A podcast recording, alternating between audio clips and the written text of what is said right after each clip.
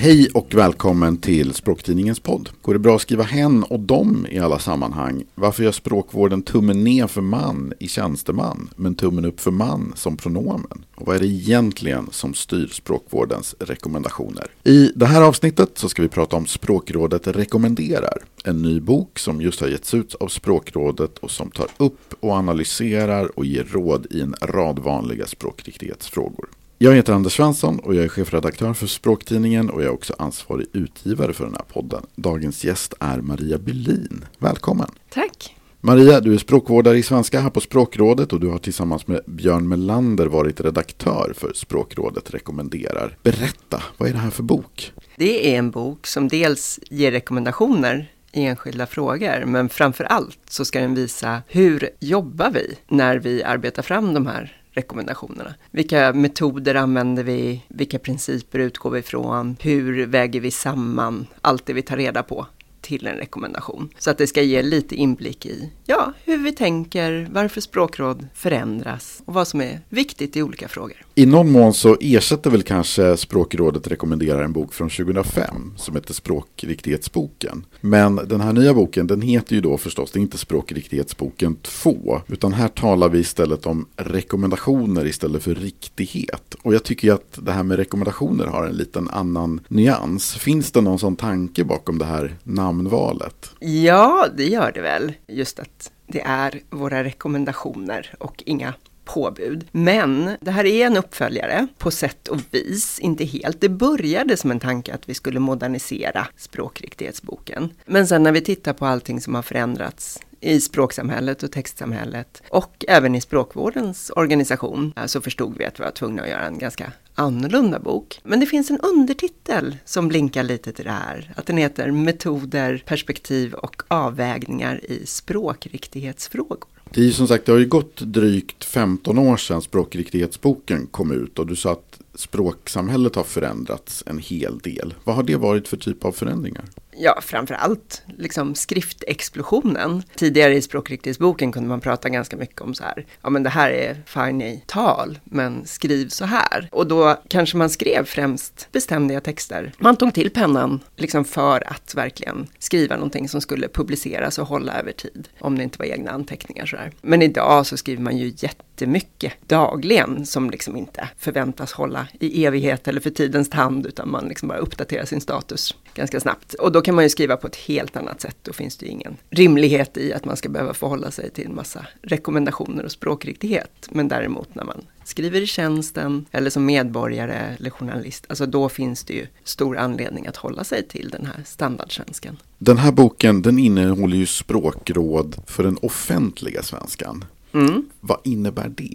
Det innebär just det jag pratade om, det som vi kallar standardsvenska. Det är den typ av svenska som man lär sig i skolan och som man ska använda i tjänsten. En viktig poäng med den är liksom att man ska kunna använda den för att vara lite opersonlig. När man skriver sin rapport om något ämne i tjänsten så är det ju inte nödvändigt att det framgår vad Maria Berlin är för en sorts person. Att hon kommer från Stockholm eller hur gammal hon är. Utan den ska liksom vara ett neutralt arbetsredskap och uppfattas som liksom svenskan.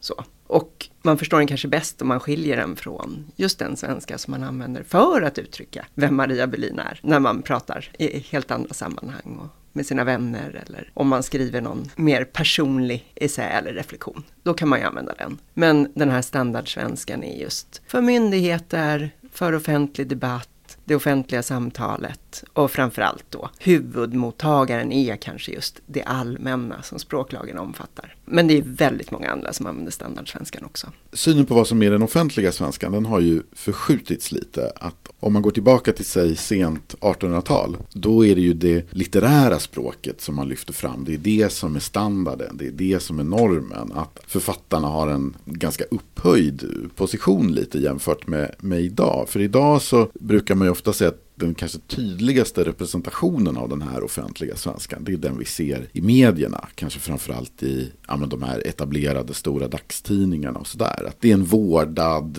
neutral svenska. Och då blir jag lite nyfiken. Hur kommer det sig att det till exempel inte är journalister som har skrivit en sån här bok eller har blivit rådfrågade? Det är ju då personer som skriver för en, skriver begripligt för en bred publik. Medan om man ska vara lite taskig så tenderar språkforskare att skriva inte så begripligt för en väldigt smal publik. Hur har ni gjort den liksom, avvägningen? Ja, där tänker vi väl att det vi har velat ha är de här djupa analyserna av språkliga fenomen. Och då brukar väl journalister göra som vi, de går och frågar forskarna. Och då har vi gått rakt på. Sen är det klart vi hoppas att många journalister vill använda våra råd. Men jag tror att de vänder sig i första hand, de har ju egna språkvårdare. Men det är klart att de också tittar på, på oss.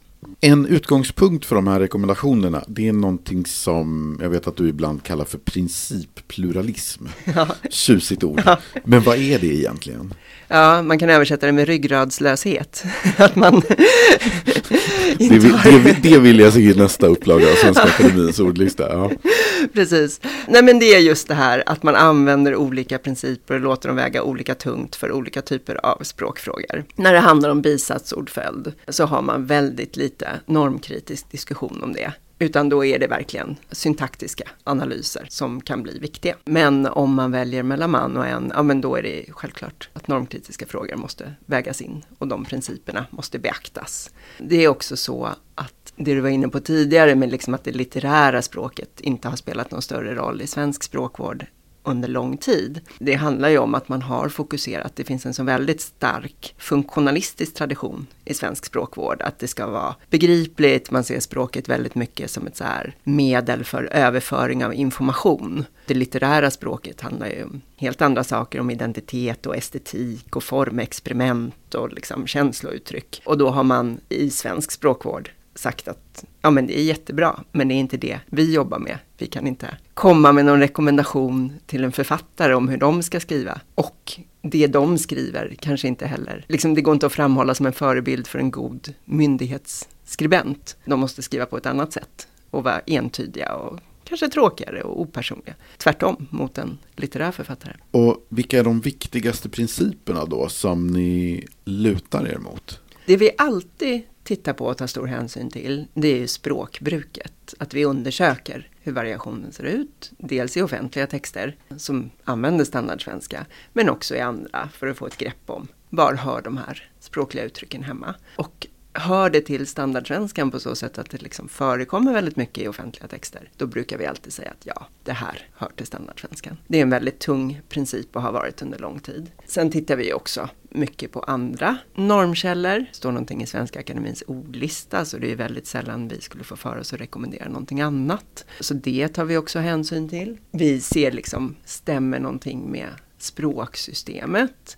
Kanske framför allt när det gäller lånord, att man gärna vill att de ska passa in och gå och böja och hantera som traditionella svenska ord. Så att man inte börjar få så här specialböjningar av enskilda ord. Mm, det är mer knepigt när det är syntaktiska frågor. Då är systemet så svårhanterligt.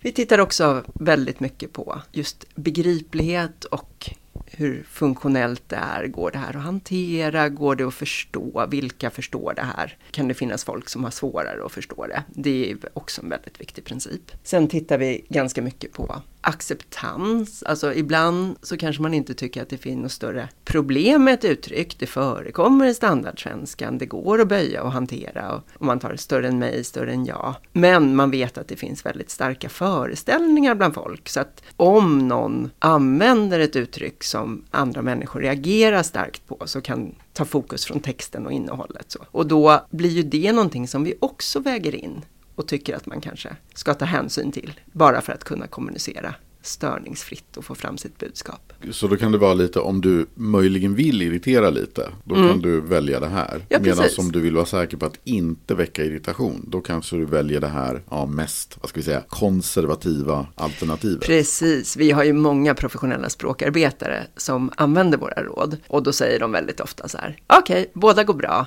Men vad är det traditionella? Tack, då tar vi det. Just för att de jobbar i sådana sammanhang. Men det är också därför det är väldigt viktigt och förstå hur vi tänker när vi ger våra råd. För just vill man irritera, vill man störa, vill man markera, ja, då kanske det är läge att bryta mot våra rekommendationer. Då kanske man vinner på det. Det beror ju på vad man skriver och i vilken roll.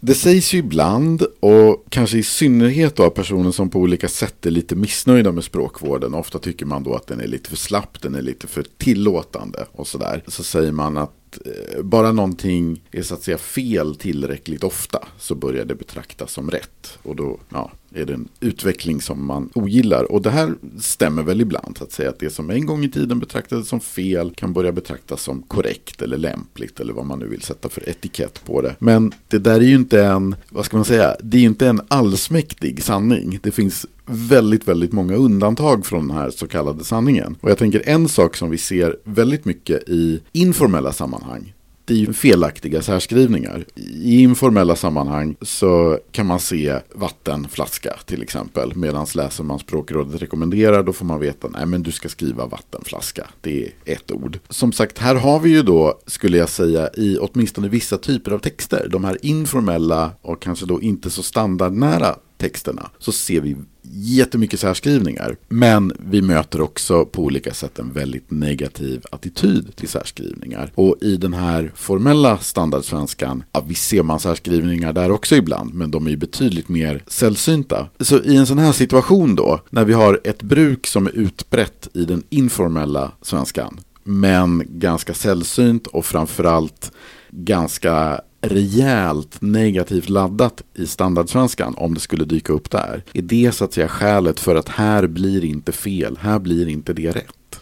Ja, precis. Det är dels den här första principen jag talade om, att vi tittar på språkbruket, framförallt i standardtexter, den offentliga svenskan, och där är särskrivningar ovanligt även om de förekommer. Och då är det det vi tar hänsyn till och vi tänker att det får förekomma en hel massa utanför standardsvenskan som ändå inte inkluderas i normen. Och det andra tungt vägande skälet är ju naturligtvis att vi inte vill rekommendera något som många människor har väldigt starka attityder mot negativa attityder. Då kan man ju inte säga att ja men det är fine, skriv vattenflaska, det kommer gå bra för att det kommer det förmodligen inte att göra. Utan vill du skriva standardnära, då är det vattenflaska hopskrivet som gäller.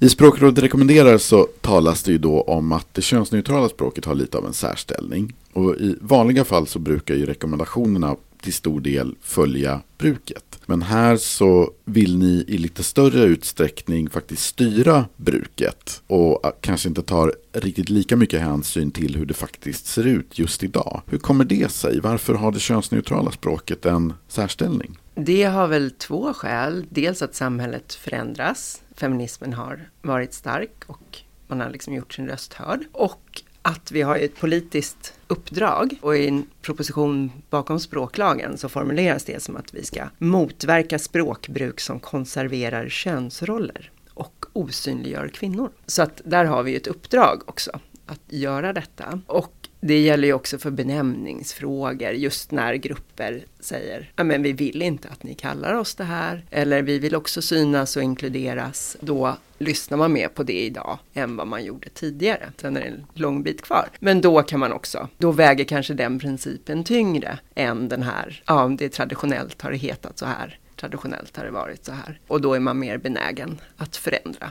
I språkriktighetsboken då som ju kom ut som sagt ja, 2005 så diskuteras ju införandet, eller det eventuella införandet av ett könsneutralt pronomen i svenskan. Och det listas några olika förslag som har varit uppe i debatten. Och då ett av dem är hen och så står det att men utsikterna för att någon av de nyskapade varianterna ska kunna etablera sig i det allmänna språkbruket får nog sägas vara minimala.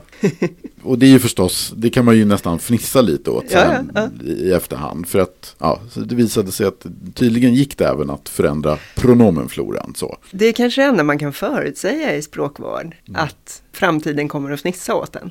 Det, så är det väl verkligen. Så, så är det verkligen när man liksom går tillbaka och tittar i ja. olika regelsamlingar hur folk har resonerat och vad man har rekommenderat oss där. Men jag tänker nu så då, vi har ju dels det här då målet kan man säga mot att styra språket mot att det ska bli lite mer könsneutralt. Samtidigt så skriver ni ju också då i en rekommendation att just hen det är ett ord som i vissa sammanhang kan väcka starka känslor, starka negativa känslor och att det därför kan vara klokt att formulera sig annorlunda. Och då tänker jag att de här starka negativa känslorna, de skulle man ju möjligen kunna lite möjligen råda bot på genom att nöta in hen. Att säga, ja men använd det här, det är inte så himla farligt. Ja, de är irriterade idag men imorgon kommer känslorna svalnat. Hur hänger liksom den rekommendationen ihop med att ändå vara lite försiktig kanske med det här strävan mot det könsneutrala språket? Mm, den är ju svår och det är ju också en mer så här ideologisk eller politisk fråga än om man tänker på vattenflaska eller särskrivningar. I båda fallen handlar det om attityder medan när det gäller flaskan så finns det ju kanske ingen stark ideologisk drivkraft för att liksom verka för särskrivningar, vilket det gör med hen, att man vill ha det här könsneutrala pronomenet. Och där tänker vi ganska mycket att vi vill informera om att det här är ett fungerande alternativ i text, men att de här attityderna finns och tänker att man måste väldigt mycket välja, kanske inte själv, men som myndighet eller organisation. Det är ju inte heller något som vi tycker att enskilda tjänstepersoner ska sitta och fatta beslut om själva, att jag vill minsann vara lite aktivistisk här. Utan det är någonting som myndigheters kommunikationsavdelningar får fatta beslut om. Hur ska vi göra i de här lite mer ideologiska ställningstagandena. Vad ska vi prioritera? Att inte få de här attityderna emot oss eller att verka för det könsneutrala. En annan sak som jag funderade lite på och som är inne lite på samma område det är den här som ja, kallas för normkritisk användning av en. En då som generiskt pronomen. En har alltid ändan bak. Där kanske ganska många skulle säga man har alltid ändan bak. Här har vi två alternativ och det finns ju åtminstone vissa som uppfattar en som könsneutralt. Men det är också vissa som studsar lite på en. Och dels kanske av ovana men också att man tycker att det är en slags, vad ska man säga, lite som en identitet identitetspolitisk markör, eller åtminstone är det någonting jag hör ibland. Medan ni säger att man kan fungera hyggligt neutralt. Hur har ni gjort den avvägningen? Det är väl liksom en temperaturmätning på mycket av de reaktioner vi får. Det är ju svåra frågor och bedömningsfrågor. Så att där är vi tydliga med att det är vår bedömning. Att det ändå finns grader i helvetet och att en kanske väcker något mer reaktioner en man. Men som i många av de här frågorna, hen och man och en, och, så presenterar vi också en lösning som är väldigt bra att ha i bakfickan när det är sådana här väldigt ideologiskt laddade val. Och det är ju liksom att försöka hitta en tredje eller en fjärde lösning och skriva sig runt det här problemet. Om man uppfattar det som ett problem för att man skriver i en roll där man inte vill signalera vilken ställning man tar. Då är det dags att börja lyfta blicken och se sig om efter omskrivningsmanövrar. Precis, och några sådana får man ju faktiskt tips på också här hur man kan så att säga navigera runt om man nu tycker att det här är bekymmersamt oavsett skälet så mm. finns det ju lite tips på hur man kan navigera runt det där problemet. Ett annat fall då där ni så att säga, går lite på tvärs mot hur, bruket, hur det ser ut, är ju att ni rekommenderar tjänsteperson. Trots att då tjänsteman fortfarande är lite vanligare. Hur kan det komma sig att det här man som generiskt pronomen får åtminstone en okej-stämpel, eller vad vi nu ska kalla det för, medan man i den här substantivsammansättningen, tjänsteman, inte får samma okej-stämpel. Jag skulle inte säga att vi skriver att den inte är okej, men att vi rekommenderar tjänsteperson. Och det är väl två bedömningar, dels att just det här man i sammansättningar som efterled uppfattas som mer könat Medans man som generiskt pronomen inte uppfattas som så könat av alla. Och sen är det också just det att tjänsteperson eller tjänsteman eller vad man nu vill använda förekommer färre gånger i en språkbruk än man och en. Det är ju ett stort jobb för den som vill börja använda en att jobba in det i sin grammatik för de flesta. Så det är också en fråga om hur mycket energi förändringen kräver av en skribent eller talar. Jag tänkte att vi skulle gå vidare med en språkfråga som vissa tror jag håller kär och andra kanske till och med möjligen har tröttnat på, nämligen valet mellan det, dem och dem. Åh, oh, jag är fortfarande kär. Ja.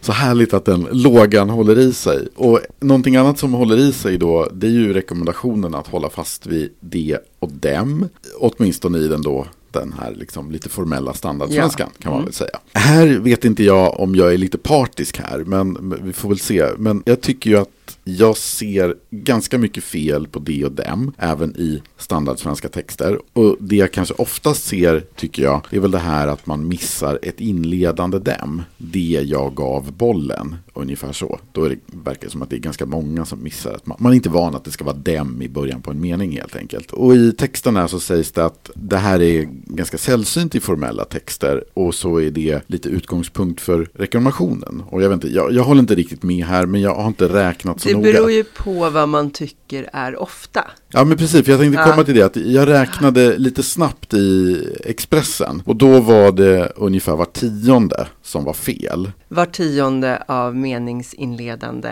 objekt Mm. som skrivs det. Ja, just det. Mm. Och då beror det på hur man räknar också. Ja, Eh, om man räknar en viss syntaktisk funktion i en viss position eller om man räknar användningen av det och dem ja men eh, precis. generellt. Ja, det Precis. är väldigt stor skillnad. Ja. Mm. Och, och så snabbkollade jag lite på DN och då fick jag känslan av att eh, det var aningen färre fel, men ungefär samma nivå. Ja. Mm. Så, så man kan ju diskutera, liksom, är det här vanligt eller inte? Det kan man väl diskutera. Medan om vi pratar om mer informella sammanhang, då är det ju nästan som att det i praktiken är fri variation. Mm. Även om inte det är en rekommendation från något håll så kan man se det, dem, de blandas ganska friskt. För min del så, även om då standarden är lite annorlunda, så tycker jag att det här är ett råd som utgår från en föreställning om språkbruket som kanske inte, eller jag tycker inte riktigt den är riktigt aktuell längre. För jag tänker rent krasst, har inte den här distinktionen kollapsat? Eller är åtminstone på väg att göra det? Jo, den är nog på väg, tror jag. Man kan ju få olika intryck och man kan räkna olika typer av texter och olika typer av fenomen.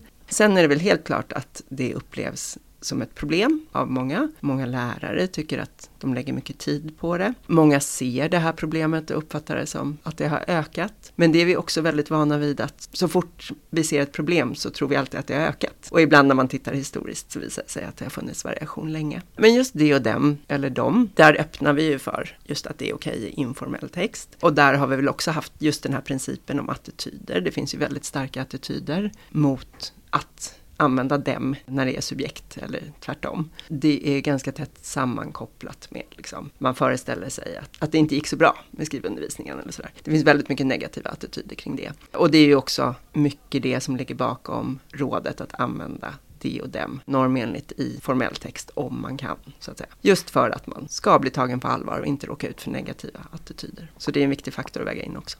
För negativa attityder, det råkar man ju ut för, definitivt. Eller jag började ju skriva dem här för ett tag sedan. Och det är ju lite intressant tycker jag då att de som jublar högst åt detta, det är ju just svensklärare. Och också sådana som på något sätt var med på 60-talet, på 70-talet, kanske början på 80-talet när det fanns en sån här ganska stark skriv som du talar-rörelse. Och då ingick de i den uppsättningen av former kan man säga. Men så finns det ju jättemånga som tycker att framförallt en språktidning eller liksom någon som är chefredaktör för en sån borde vara ungefär den sista som skulle så att säga jag ska gå under med skeppet, lite så. Jag ska inte Mm. vara den som tänker här är en livbåt, den hoppar jag i först av alla. Utan man tänker här har vi seglat Mm. på ett isberg, ja då ska jag liksom sitta kvar längst på skutan. Men jag tänker, hur kommer det sig då att det är det här formella språket, att det är det som ska vara trögast? Det har ju att göra just med den här funktionen, att det ska vara så opersonligt och liksom vara en del av administrationen, den statliga administrationen av Sverige på något sätt. Det är det man ska lära sig i skolan och det ska gärna hålla. Man får ju uppdatera lite här och där under livet, så får man ju acceptera att allting man lärde sig i skolan förblir inte lika rätt. Men det allra mesta ska ju förbli korrekt. Och just neutraliteten, det är ganska standardiserat. Ibland så säger vi båda går bra och man accepterar variation i standard. Men annars finns det någonting som man kan välja och inte tänka så mycket på det. Medan det här andra språkbruket där det är ju jätteviktigt att det finns variation som uttrycker ens politiska ställningstaganden, ens identitet, ens geografiska och sociala hemvist. Det har en helt annan funktion det andra språkbruket. Men just det här tjänstemannakostymsvenskan, den ska inte svaja hit och dit, för då blir det för jobbigt. Det är ju här jag måste säga att det är ju lämpligare med tjänstepersonskostymsvenskan.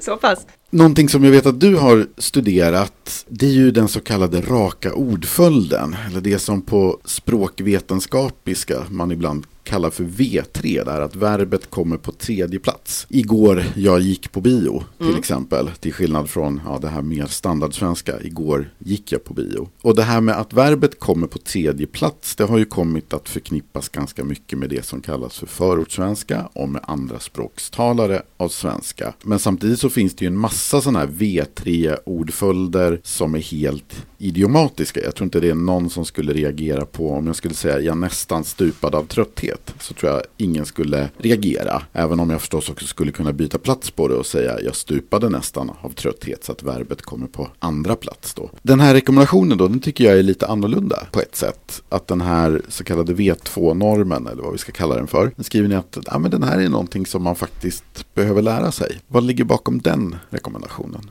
Att det förekommer mycket i tal och att det är helt okej. Okay. Men vi vet också att det är en sån sak där viss typ av V3 är förknippat med vissa attityder. Och just när man ska skriva den här neutrala standardsvenskan, då är det bara vissa typer av satsled som får vara två före verbet. Det är imorgon kanske jag går på bio och liknande. Vissa är liksom etablerade delar redan. Andra har inte etablerats ännu och då är det V2 som gäller. En annan sak som kan störa vissa personer det är ju den här S-pluralen. Ja, man kan se avokados, blinkers och då kan mm. man också se en viss irritation lite ibland. Här har ju språkvården ändå blivit aningen mer tillåtande på senare år. Går man tillbaka till, eh, vi har ju av den upplaga till exempel av Svenska Akademins ordlista som kom för hundra år sedan, den 8 har jag för mig att det är som kom 1923. Då har man den här underbara att ordet film har en pluralform. Det är films. Och skulle man idag gå och säga jag såg några films i helgen. Då mm. blir nog snarare din pluralform snarare än filmerna du såg. Kanske samtalsämnet vid liksom kaffeautomaten. har du någon framtidsspaning här? Tror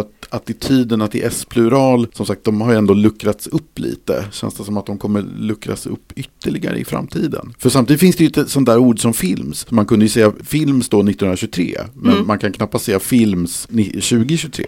Nej, och det är ett väldigt roligt exempel. Jag tror den här irritationen var väl delvis språkvårdsdriven. Jag tror att språkvården var liksom överst på barrikaden och nu har språkvården eh, dämpat sig något. Den finns ju också med som en egen deklination, deklarationen i Svenska Akademins grammatik. Så man måste ju liksom se det som en del av svenska språket. Och det är ju också en sån grundfråga, alltså vad hör till det svenska språket? Vad hör till standard och vad hör till svenska? Och nu räknar vi då S-pluralen som en del av det svenska språksystemet. Däremot så uppstår ju problemet sällan just med plural-S, utan det uppstår i nästa led, den bestämda formen. Och då är väl min, mitt framtidshopp i alla fall, att det där löser sig på något sätt de som skrev om det här menar också att ja, man kan ju fundera över om S måste man med hela vägen, för problemet uppstår ju kanske redan med films, men annars om man tänker bikinis eller jumpers, jumpersarna eller vad det nu är, trailersarna. Det är ju först då som problemet aktualiseras. Så det är väl det problemet, den luckan i paradigmet som måste få någon typ av lösning. Och det hoppas jag kommer hända. Ja, för det här tänker jag väl är väl just lite som du är inne på tror jag. Att här får kanske språkvården i någon mån så att säga skörda det man har sått. Japp. att man har ganska länge betecknat den här S-pluralen som problematisk. Och nu idag så används den ju ganska mycket då i debatten för att visa på ja, engelskans inflytande på svenskan. Mm. Och att man då anser mm. att det, det här är ett tecken på att engelskan även så att säga påverkar svenskans grammatik. Att det handlar inte bara om en massa lånord utan mm. det är en grammatisk fråga också. Mm. Sist då, men, men verkligen inte minst, hur får man tag på Språkrådet rekommenderar? Man hittar den på vår hemsida isof.se. Där finns den fritt tillgänglig, men den kommer också komma i bokform. Tack så mycket Maria Bylin. Tack. Och tack till dig som har lyssnat. Vi vill ju förstås igen att fler ska lyssna på den här podden. Så vi blir väldigt glada om du tipsar om den här till sådana som kan tänkas vara intresserade av språk. Språktidningspodd är tillbaka med ett nytt avsnitt om en månad. Du får gärna prenumerera på oss i din poddtjänst och följa oss i sociala medier så att du inte missar något avsnitt. Vi finns på Facebook, Instagram, Twitter och LinkedIn. Om du är nyfiken på Språktidningen och vill teckna en prenumeration så kan du in på språktidningen.se och pröva två nummer för 99 kronor. Du kan också testa en digital prenumeration. Du får tre månader av vår digitala upplaga för bara 39 kronor. Tack så mycket och på återhörande.